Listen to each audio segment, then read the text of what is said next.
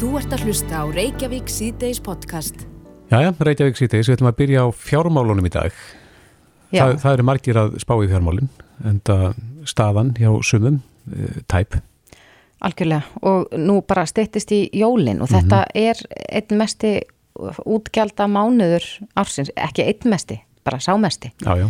En, en það sem að, að maður kannski spara sér í því að maður kjast ekki klippingu, Mm maður þarf ekki að eyði það. Einmitt. En það er að ymsu að huga, bæði jólagjafa innkaupum og svo er, er dýrst að kaupi matinn og annað slikt. En uh, ég rakst að áhuga vera grein hérna á vísi Já, og þar sem að, að titillin er, er ástæða til að sleppa greiðsludreifingu þessu jólin. já, hvað þýðir það? Það er nú margir sem kannski kannast við að taka jólin á vísa og vera svo að borga ekkert mann í februar Mhm. en þetta er deildastjóri greiningar og fræðslu Íslandsbanka að, að hvetja fólk til þess að vera ekki að fresta greiðslum þessu jólin en Björn Berg Gunnarsson er á línunni, komtu sæl Sælveriði. Já, þú ert nú að, að- já, þú ert að hvetja fólk til þess að vera ekki að fresta greiðslum, ekki að vera með greiðsludreifingu og, og kortaskuldir og svona sem að þarf að greiða síðar meir. Ertu með öðrum orðum að segja að fólk eigi bara eða minna? Já, svona ef, ef kostur er og auðvitað áttæði mig á því að aðstæðir fólks eru mjög mísefnar og sérstaklega núna. Auðvitað er það þannig að, að einhverjir og, og jættvel margir myndu standa framni fyrir því að, að það sé hreinlega ekki gerlegt að halda jólinn öðruvísi en með því að dreif einhverjum greiðslum og borga setna.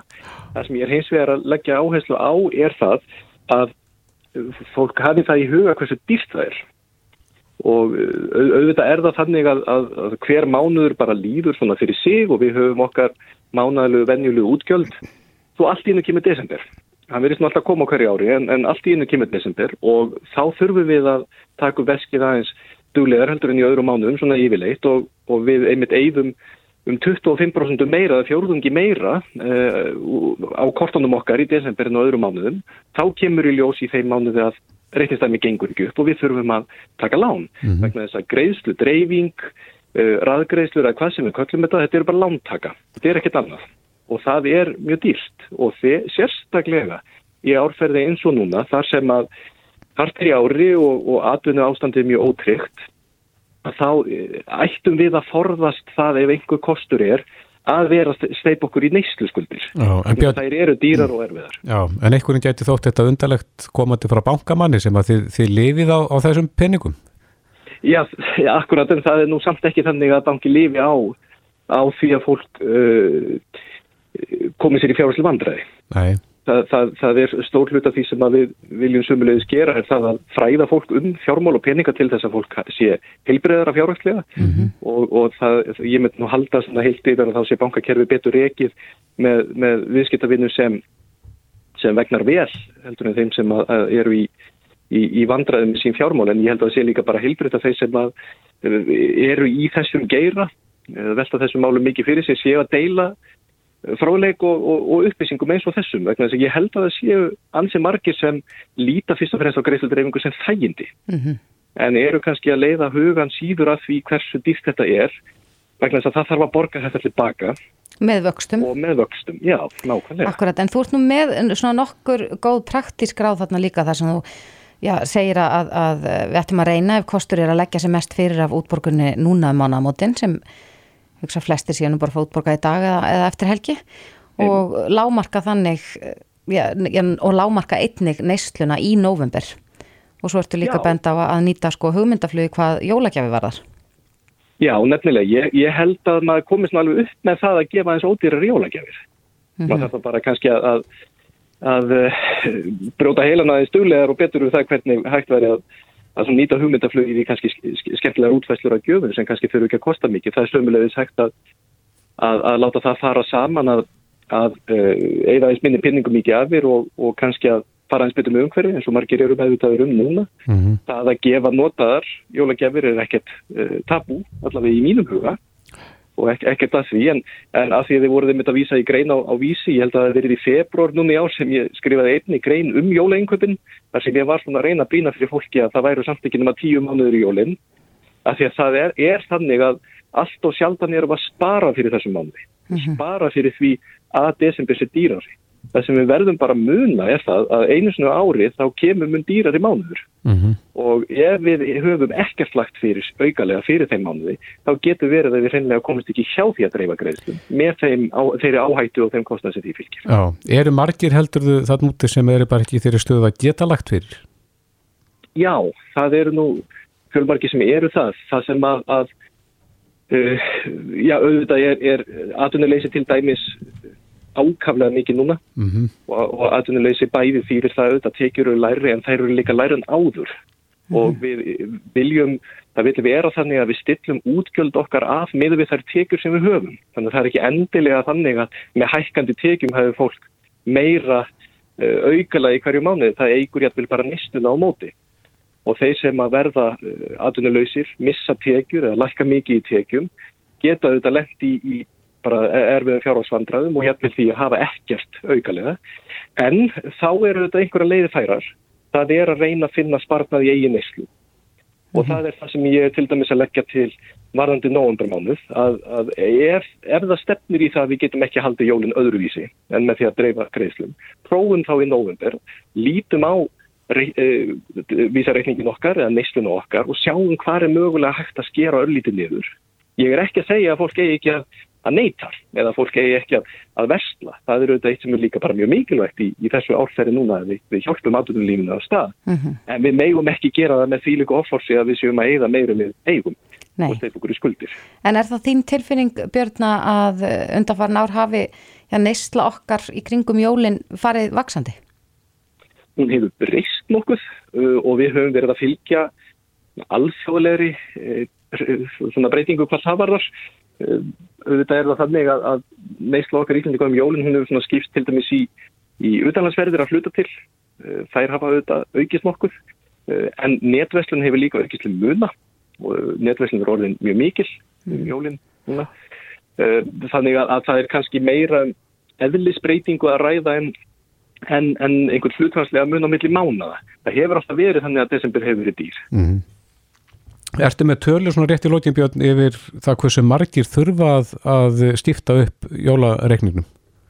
Ég er ekki með hlutföll eða, eða, eða tölur yfir það. Ég get sagt okkur að það eru ákvæmlega margir og, og vegna þess að þið nefnduð á að, að maður verður þá kannski að dreifis á reikningum og borga þá í februar. Mm -hmm. Það eru allt og allt og margir sem eru mjög lengur að borga það tilbaka og uh, við erum ekki uh, verst allar að landa í þessu. Uh, til dæmis með, með bandarækja menna það er nú nærri helmingur þeirra sem að greiðir fyrir uh, jólinn eða notar uh, greiðslukorti í desember mánuði er hálft í hálft ára borga þær skuldir tilbaka. Það er það margir sem dreifa greiðslinn þar mm -hmm. og við skulum bara reyna að vera eins öðruvísi hér. Við erum einhverju döglustu notundu kreditkorta á heimsvísu, notum þau ákavlega mikið mm -hmm. og, og þess vegna er aðgengið öllum svona lausnum með tækninni kemur svo mikið aðgengi af einfaldir og þægilegri lántökur en maður á þá alltaf að minna sig á það í leginni þegar við stöndum við kassan og við erum að borga fyrir jólinn að ef við erum ekki að staðgreða þá erum við að fara að taka lán fyrir jólum mm -hmm. og við verðum þá að vera vissum það og vissum tilbúin í það að við getum borgað það tilbaka uh, eða þá að við, þetta sé eitthvað sem við erum tilbúin að, að venja okkur á sem alltaf margir hafa gert. Já, þetta eru ágættis lokaorð Björn Berg Gunnarsson Deildastjóri greiningar og fræðsli á Íslandsbanka. Kæra þakki fyrir þetta og góða helgi. Já, góða helgi. Þú ert að hlusta á Reykjavík C-Days podcast. Jæja, stóri dagurinn sem að margir hafa beðið eftir og ég mér síndist að að vefurinn hafi bara hrunið svona um það leiti sem að þessi fundur ríkistöðnarinnar var að, að byrja. Já, við, við reyndum nú nokkrum miðlum að horfa á stöðu 2 og, og ríkisútarpinu og það gekk illa og endanum fór ég inn á Facebook síðan almanvarna og þar sá ég að sko 7000 manns voru Já. að horfa á það útsendingu. Einmitt, þannig að það er eh, allra augu á þessu en það skiptir það miklu málu upp að framhaldi að gera hvernig mm -hmm. samfélagi verður í læginu næstu tværi að þrjár vikurnar. Nú Þórólu Guðnarsson, sótarnarleiknir er á línu, kom til sæl. Já, sælverði. Já, það eru svona nokkur atrið sem, að, sem fólk er ekki alveg með á hreinu, hvernig hlutinu koma til með að vera á, á næstunni. E, það er talað um að allt íþróttastarf leggist niður en svo eru atrið eins og hárgreðslu stofur, e, nuttarar og slíkt. Sjúkaraþjálfun? Já, hvað með það? Verður það opið eða, eða lokað? Nei, nei, það er stendur í reglugerðin, það er lokað. Það er lokað? Já, já, ekki nema sko heilbreyðsþjónustan er er opinn, það er að segja sjúkrafjárminn svo verið hefur, við mm -hmm. töldum ekki rétt að loka heilbreyðstjónustinni en, en öll, öll önnur svona þjónusta er, er, er verið loka á, á landsvísu. Mm -hmm. Er sérstaklega tekið fram sko uh, hvað fellur þar undir? Erum við að tala um þá um, sko kýrópraktor og, og sjúgranutt og, og fleira í þeim dúr? Já, allt sem að fellur undir heilbreyðstjónustu og, og það, er, það er skilgreint bara mennur með heilbreyðstjónustu og skilgreinta þá þá fellur það undir þetta. Mm -hmm. En nú hef, hafa rakarastofur og, og sundluði verið opnar á, á landsbyðinni þannig að það lokar allt saman núna? Já, já, þetta gildir að verið sama sem gildir út um all land. Já. Það er sérstök ástæði fyrir því að, að því ákvaða stíga það skref, svona eins og ég ljósi þess að til dæmis á Östurland er ekki e, smita sjá? Já, það hefur náttúrulega verið minnst smita á Östurlandi en ekki í Vesturlandi.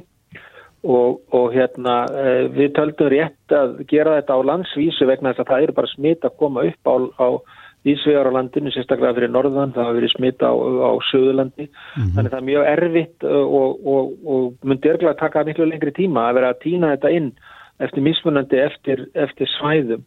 Og hérna þannig að við ætlum að það er að mínum að þetta er skinsanlega að taka þetta bara allt í einu núna með leftur sókn og, og náðu sér niður og geta þó miklu fyrirslakað á aftur. Mm -hmm. Annars gætu við lendið því að vera elda þetta fram og tilbaka nákvæmlega eins og við höfum verið að gera. Við höfum verið með harðari reglur hér á höfuborgarsæðinu en höfum verið svo að sjá núna undanfærið vaksandi útbreyslu eins og tlums fyrir norðan og, og fleiri stöðum. Þannig að ég held að þetta sé skinsanleiri leið.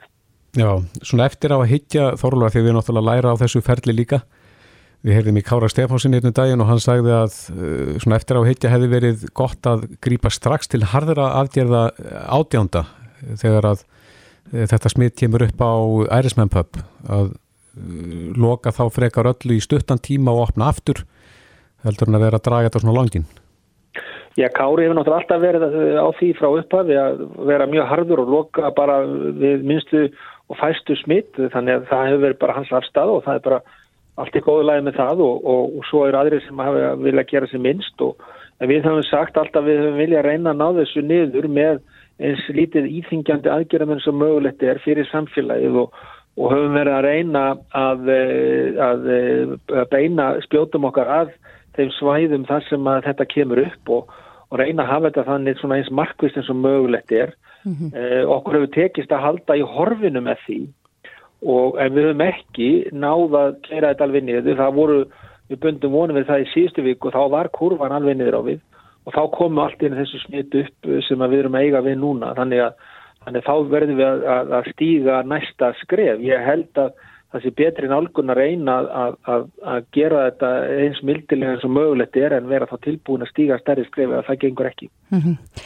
Einn stærsta breytingin sem verður á er, er auðvitað varðandi það að áður gildu þessar reglur um, um börn fætt 2005, eða gildu ekki afsakið um börn sem voru fætt 2005 eða síðan en nú er búið að, að breyta þessu í 2015 þannig að þetta áviðum öll grunnskólabörn til dæmis. Um, var, er, er sérstök ástæði fyrir því að ákveði var að fara þá leið? E, hafa verið mörg smitt hjá þessum aldurshóp? Já, það hafa verið að koma upp smitt í, í grunnskólunum en þau hafa, eins og við hefum sagt áður, verið svona mestuleiti bundi við það að það er einhver sem að, og þá fullarðin einstaklega sem kemur smittið inn en það hefur samt sem áður verið smitt millinemenda og meira eftir að við sáum uh, síðastlinni vetur og það kann vel að vera það sem líka vegna þess að við höfum verið að taka miklu meira sínum núna. Eh, en við eh, vildum bara reyna að loka fyrir alla leka allstafar eh, eins, eins vel eins og við gætum til að ná þessu öllu niður gera þetta í einu og eins á skýran hátt og með eins fáum undanfáum eins og mögulegt er. Því að þessar undanfáur sem við höfum líka verið að veita hafa verið að valda smá rögglingi og kannski Eh, verið svona eh, allavega eina vorsökunum fyrir því að menna að vera að tala um upplýsinga óreiðu og hlutin er við skýr og svo framvegis. Þannig að núna erum við að reyna að gera þetta á einsleitan vata og eins skýrt eins og mögulegt er og, og þá náttúrulega kemur það upp á sumum finnst kannski að það sé verið að beita svima og af hörðum aðgerðum og aðra ekki og svo framvegis og en ég held að það sé mikið vægt að gera þetta svona núna, já. Mm -hmm. Hvað áhrif sér þið fyrir að þetta minn hafa til dæmis á skólahald? Já, það er það sem að skóla yfirvöld eru bara að ræða núna og það er ekki komin eh, reglugjær fyrir skólana. Þannig að þessi, þessi, þessi breyting eh, á ekki við skólana, eh, þessi reglugjærð, reglugjærðum skólana kemur núna eftir helgina. Og, og það er bara að vera að vinna útfæslunni með hérna, skóla yfirveldum og kennurum og fleirum. Og, og við sjáum hvað kemur bara út úr því og, og hérna, en hvaða áhrif það hefur það er erfitt að segja. En ég vil bara benda á það að ef við missum þennan faraldur úr, úr böndum uh, og ráðum ekki neitt við neitt og við förum að fá mikla aukningu sem að yfir keiri helbreyðskerfi og spítalakerfi þá mun það svo sannarlega líka koma niður á skólakerfinu og öllu öðru sem við erum að gera hér innanlands. Já. Þetta gildir hvað næstu tvær vikunar? Já, samkvæmt ákvörður ráðanættisins þá gildir þetta næstu tvær vikunar og, og það er þarna ákvæð inni sem að sem annarkort menn geta þá aflétt eða breytt eða á, á, á, á tímabölun eftir því hvernig eh, sko, þessu vindur fram. Já, og hvena tekur þetta gildi? Eh, bara núna á minnætti, strax á morgun. Hefðir þú vilja sjá þessa reglugerð uh, gilda lengur?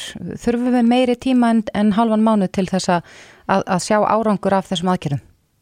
Já, ég held að uh, við þurfum eina til hver vikur til að sjá árangur á svona aðgerðum og við höfum séð það bara fram að þessu að það tekur fram tíma sjá árangur og, uh, og við þurfum, uh, ég held að segja ekkert að því að láta hann gilda í hver vikur, það er þá ekkert annað heldur en að framlengi eða breytinni ef, að, ef aðstæður eru þannig. Og, uh, og hérna Eh, sumum líkar það illa, sumur hefur viljað eh, láta þetta gilda lengur og vita þá við hvað þau búa en, en ég held að, eh, að við þurfum að reyna hafa það svigrum annarkort að geta hert á eða breytt áherslum eða slakað á allt eftir því hvernig þróunin verður. Mm -hmm. Þórulfur Guðnarsson, Svottvarnalegnir, kæra þakki fyrir þetta. Já, sumleiðis. Góða helgi. Sumleiðis, takk. Hlustaðu hvena sem er á Reykjavík C-Days podcast. Reykjavík þess á bylginni heldur áfram við fáum stundum eh, brefi í postkassan Já. Og sem við nú reynum að svara mm -hmm. oftar en ekki en, en eh, nú fengum við bref og, og hér segir nú er ég smá orðlaus sá borg auglísa brí og áfengislausan og það þarf ekki að hafa ágjör af áfengiskjöldum og gott og gilt en prófaði að kaupa mér hann og hann kostiði 239 krónur stykki í krónunni mm -hmm Fórun á vínbúðuna.is og Bríó 4,7% kostar þar 319 krónir stykkið. Já, litlu dýrari. Já, mm -hmm.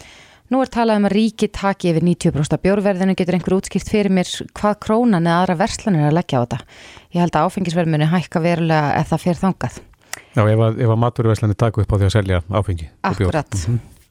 Uh, hann, hefur, hann segir samt, bætir því við, hann hafa alltaf verið hlindur því að búðir uh, maturverslani muni, muni selja áfengi mm -hmm. en þá bara spurningum álagning, álagninguna en, en okkar leikur forutna að vita sko uh, hvers vegna er þessi verðmunur, er þetta spurningum áfengiskjöldin eða, eða er þetta kannski bara mjög lík vara mm -hmm.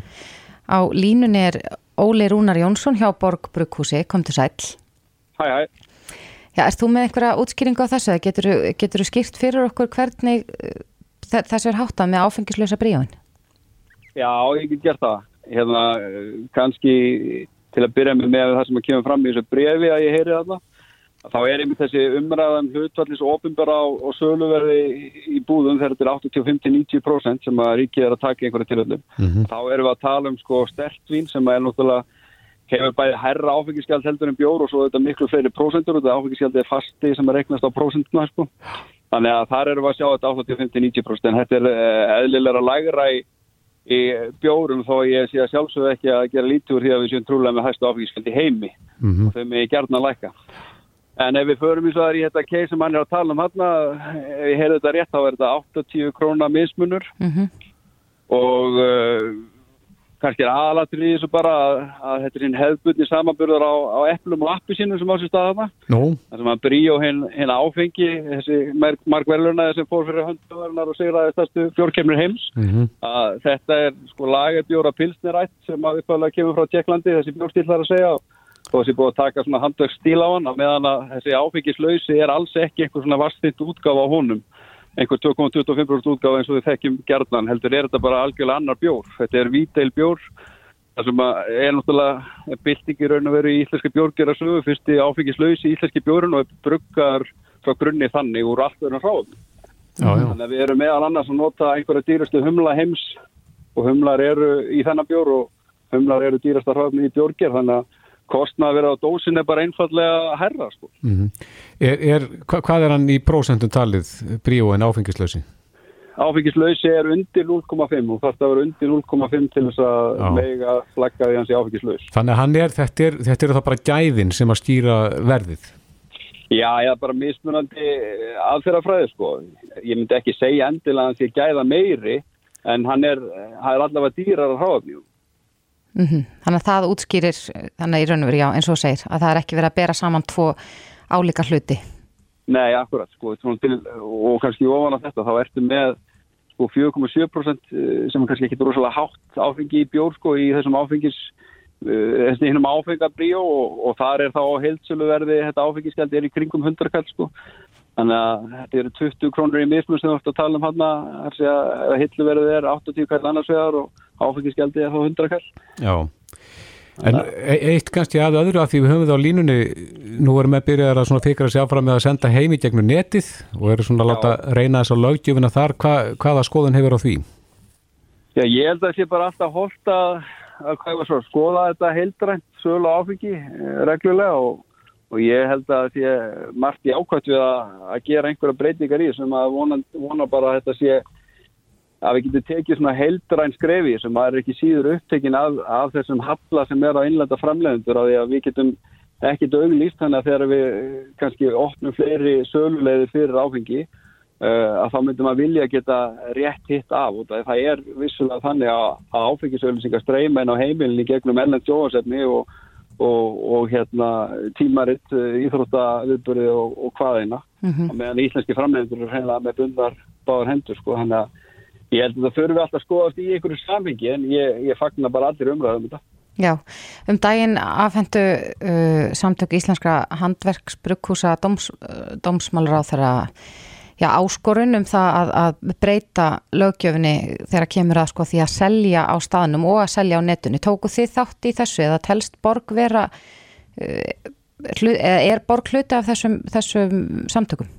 Við erum ekki inn í þessum samtökum, nei. En maður skilur einmitt kannski sérstaklega þegar þú ert að tala um þessi öðbrukkús á landsbyðinni og með, meðan það voru hérna einhverju ferðamenn að þá, þá komu þeir jafnveg þar inn og heitluðist af einhverju koncepti og, og, og svo gáttu þeir ekki farið minn en að minja gripi frá sér eða neitt slíkt sko. Mm -hmm. En með með sér segja, þannig að hérna þetta er held ég allt bara mjög valið punktar sem að bera að skoða. Já, Óli Rúnar Jónsson hjá Borg Brukkúsi, kæra þakki fyrir þetta. Reykjavík síðdeis á bylginni. Jæja, fundurinn var haldinn þar að segja fundur ríkistjóðnarinnar, þar sem farið var yfir uh, það sem gera skal núna í kjölfar uh, beðinni frá sótadalegnis um hertar aðgerðir í barátunum við koronaviruna. Já, þetta hefur mikil áhrif á, á verslanir í landinu. Já, heldur betur. Það er búið að tilkynna það að kemur fram í reglugjörni að, að, að það með ekki vera fleiri en tíu einstaklingar inn í sama rými en, en þrátt fyrir það þá er heimilt að hafa alltaf 50 manns í livja og maturverslunum. Mm -hmm. Þannig að já, maður, það hlýtur að geta sagt sér það að þetta mun takmarka starfsemi verslana allverulega. Já, og minna svolítið á ástandið eins og var hérna í fyrstu bylgjunni þar sem að var bara einfallega talið inn og út mm -hmm. og en Andrés Magnússon frangværtastjóri samtaka Vestlunar og þjónustöður á línunni, kom þú sæl? Sæl verið þér. Já, svona fyrstu viðbröð þín? Já, það er náttúrulega þetta kemur uh, flatt upp á okkur, satt best að segja. Við áttum náttúrulega vonað aðgerðum en áttum ekki vonað að eruðu svona afgerandi. Það var þó 20 mann sem áttu vera inni í vor, sko, í hverju rými. Mm -hmm. Og ég, ég vek aðtikla því líka að þessi tímannaregli er að starfsmönnum við meðföldum. Þannig að þetta hefur kannski, þú hugsaður bara þetta meðal vestlum kannski með þrjá, fjóra, fimm starfsmenn að þá með einhverjum fimm kúnar verið inn í búðinni á sama tíma. Það er hverju orðið sannar þetta mun hafa gífurlega áhrif á starfsemi vestlana uh, núna næstu vikurnar og tala um í ljósi þess að há annað tími í verslun er að hefjast. Mm -hmm. Þetta, ég, ég leiti strax hugan bara að, að versluna miðstöðunum þar sem eru, já, þær eru stórar en, en það er spurning hvernig þetta mun koma við þær. Telur líkur á að, að einhverja verslana muni bara reynilega loka út af þessum takmörkunum? Já, það verður náttúrulega bara komið í ljós, ég, sko það verður alveg eftir hvernig almenningu bregst við, hvort að ég, það gerðist náttúrulega hérna munið í múara þá bara tó, tók uh, vestlænni meðalans í, í, í vestluna miðstöðunum á, ákvarðunum það að loka bara beinleins vegna þess að það voru ekki viðskiptamenn á ferli. Ég hef ekki trúa því að það verði í, í staðan núna, uh, satt best að segja, ég held að að uh, fólk hlaup ekki það mikið inn í skilina að það verði ekki á ferli þó get ég ekki alveg metið það sko en allavega er það þannig að það sem að við gaggrínum helst í þessu, það er engin, e, það er ekki nógu mikið lókik í þessu. Það er, það er náttúrulega þannig að við bara tökum svona einhvern samanbörn að sko maturuveslan og liðjaveslan eru augljóslega Eh, mjög þjóðslega mikilvæg fyrirtæki og það með að vera 50 og alltaf 100 manns inn í, inn í þeim verslunum með að við sko, með að við stærð verslunar ímisins.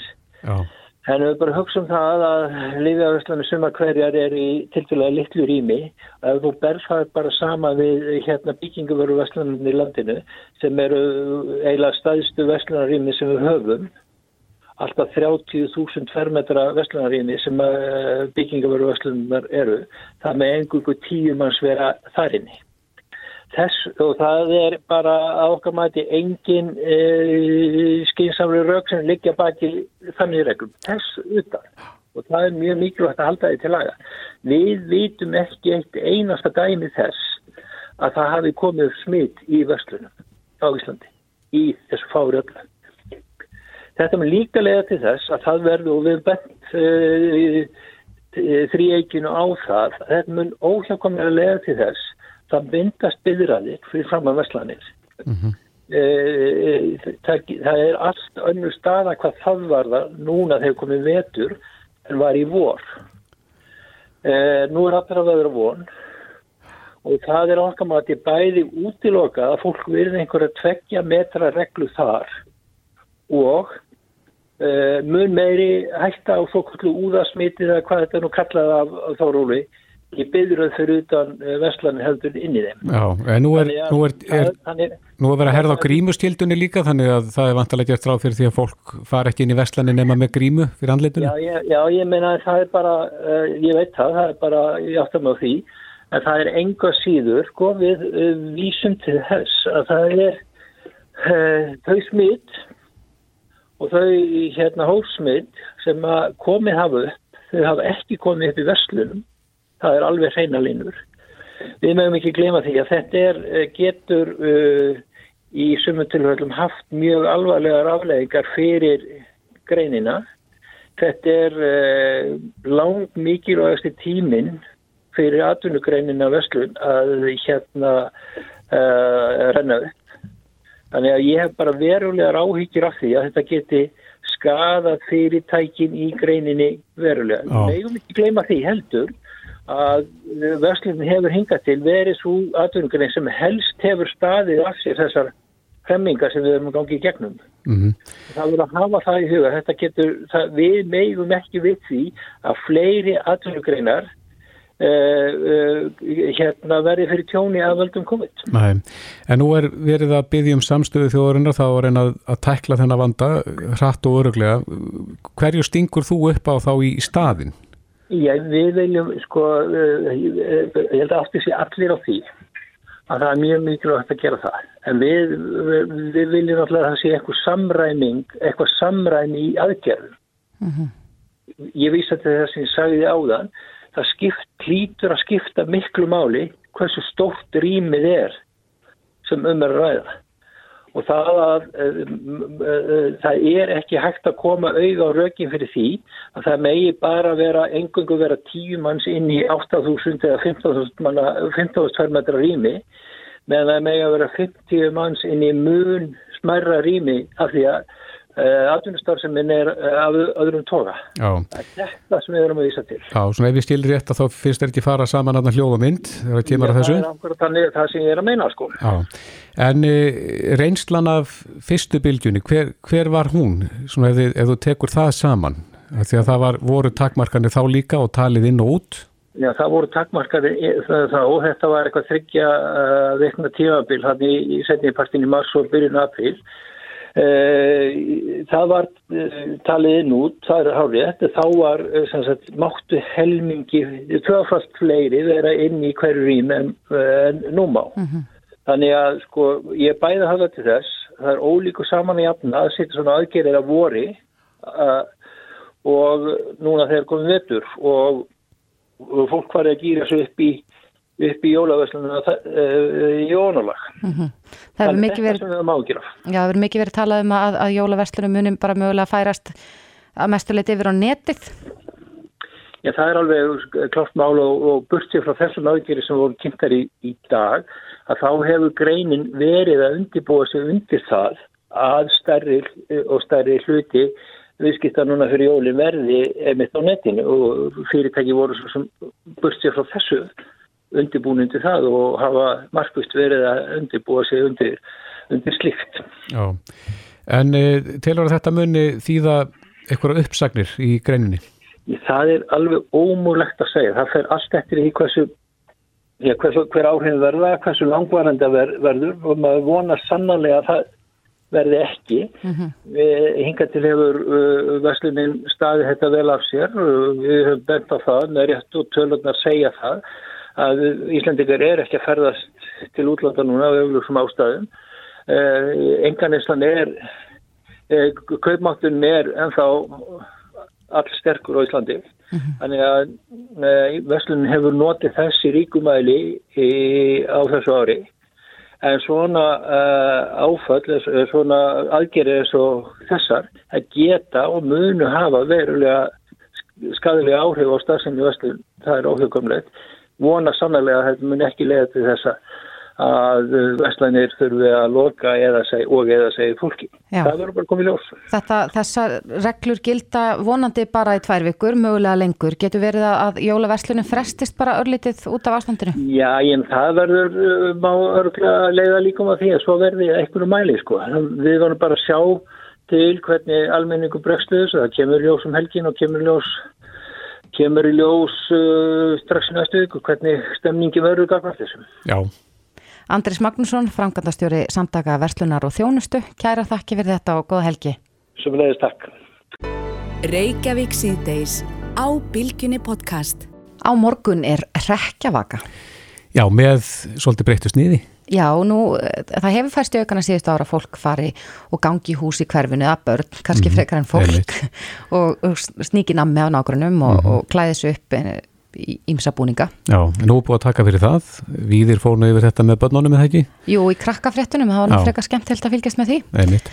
En okkur leikur forveitna að vita sko, hver er saga réttjavökunar? Já, hvaðan er þessi hefð og, og hvað er verið að halda upp og ég held að við Íslandingar höfum bara tekið upp þessa hefð og, og kannski spurt lítið af spurningum. Einmitt, en hún er að verða alltaf vinsall og vinsallið þessi hefð hér á Íslandi? Já, maður sér það nú bara, ég fór allan að fara í partibúðina í gær og, og þar var rosalega löngur öð þannig að það voru greinilega margir á leiðin að kaupa sér búninga og skraut. Mm -hmm. En á línunni er Terri Gönnel, hann er prófessor í þjóðfræði við Háskóla Íslands Kom til sæl. Sæl, sæl.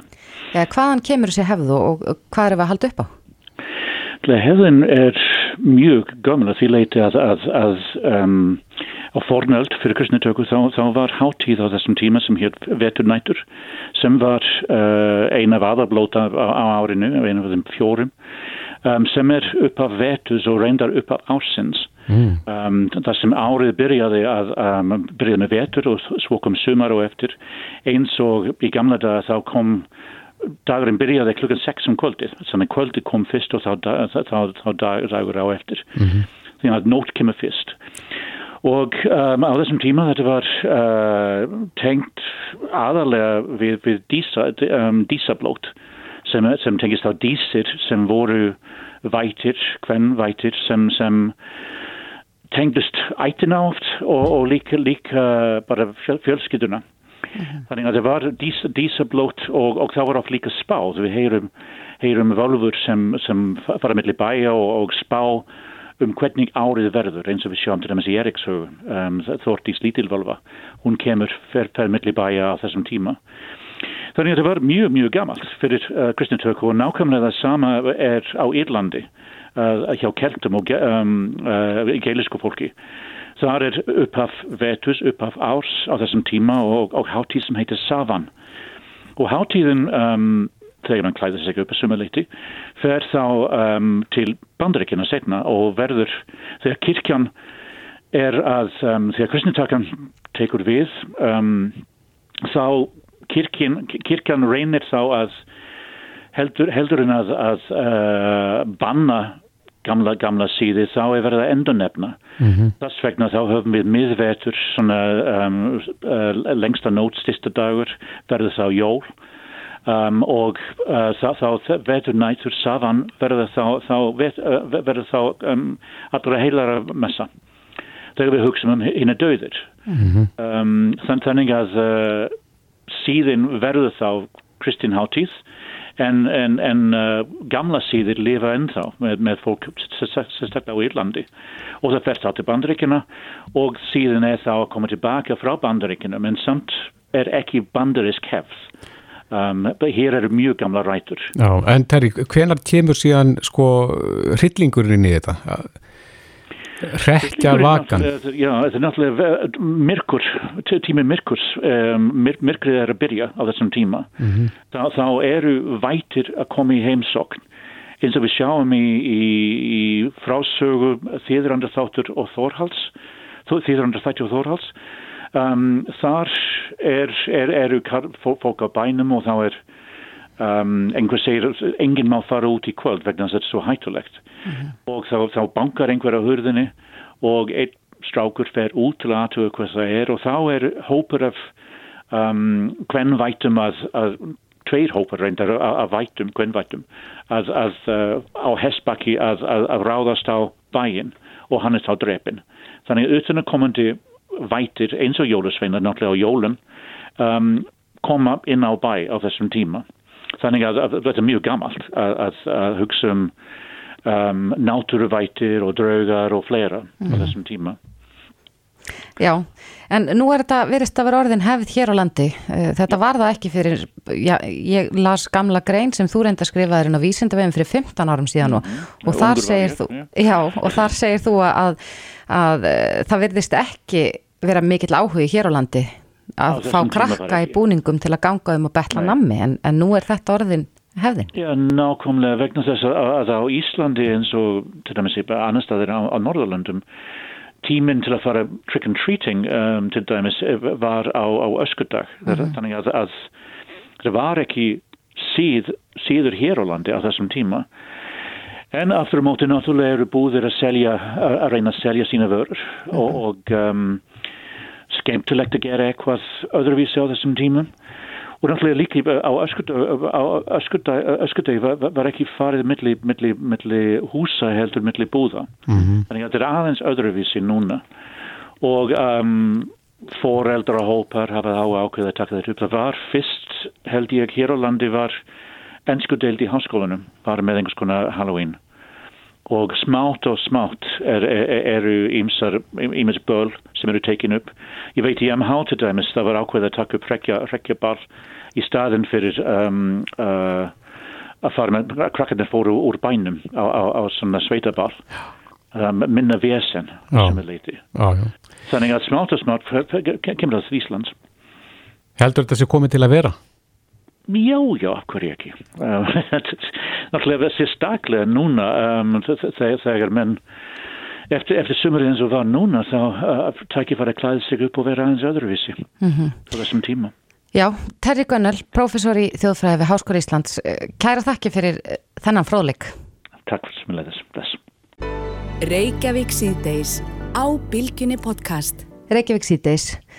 Það er ljósta að e, við erum ekki að fara að hittast mörg á næstunni og líkamsrættastöð vera lokaðar, mhm. sundlögar mm -hmm. líka.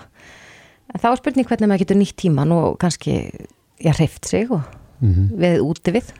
Það er spurning hvort að það hefði gerst í fyrstu bylgjunni að fólk hafi farið meira á fjöll hvort að, það, hvort að sko, þeir sem að eru með göngu vappið eða appið hafi fundið fyrir því mm -hmm. að niðurhal hafi aukist og fleiri hafi farið að stað. Já, við töluðum við eh, höfund Vapsins í vor Mhm. og, og þá saðan okkur nú frá því að það væru mestmægnis ferðamenn sem að væri að sækja þetta app Mhm. og sækja sér göngulegir en, en það er aragrúi af göngulegum út um allt land inn í þessu appi. Ég hef verið að nota það sjálf í sumar og þreytist ekki að því að segja vinum mínum frá því. Mhm. En Einar Skúlason er á línunni, komdu sæl.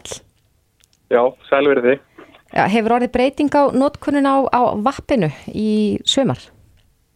Já, já, Íslandingar tóku algjörlega við sér og það voru, hvað, yfir 12.000 íslenski notendur að jafna þið.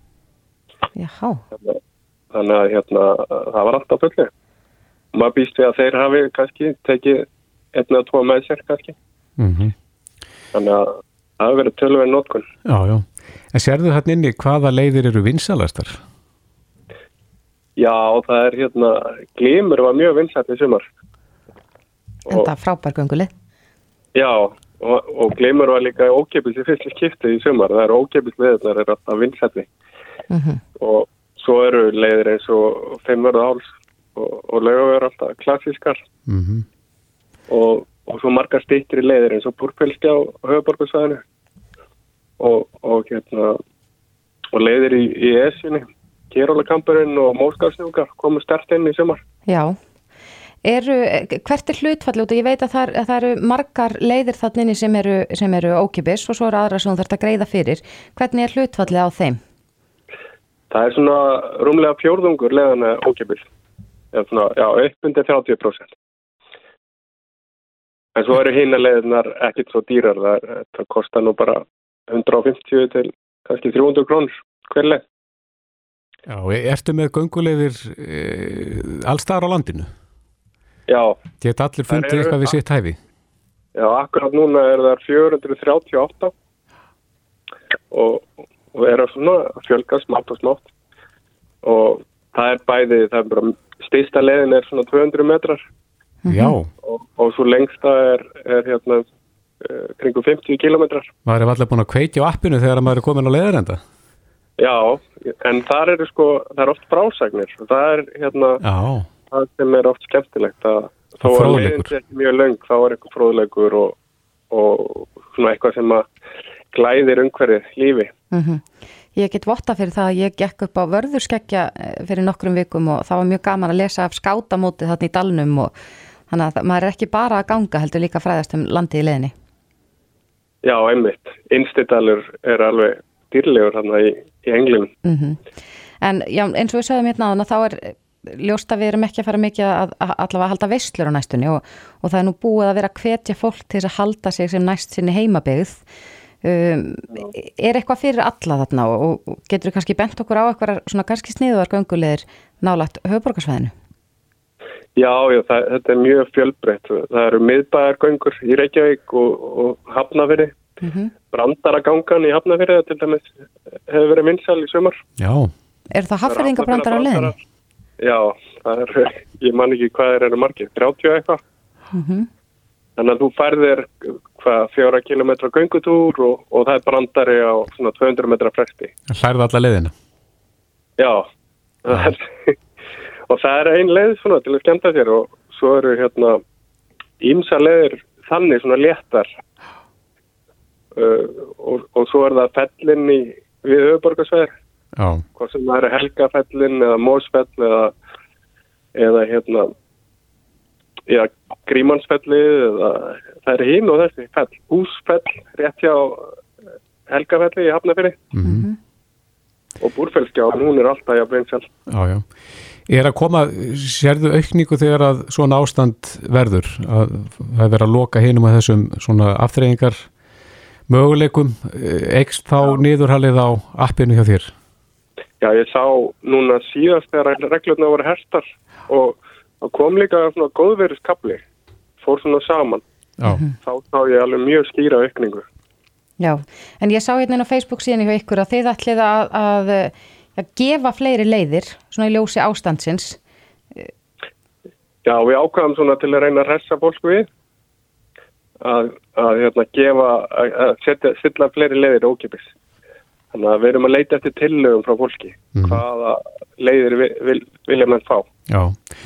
Einar Skúlason, höfundur göngu appsins eða vappsins með tvöföldu vaffi Kæra þætti fyrir þetta og gangi ykkur vel Já, takk samanlega.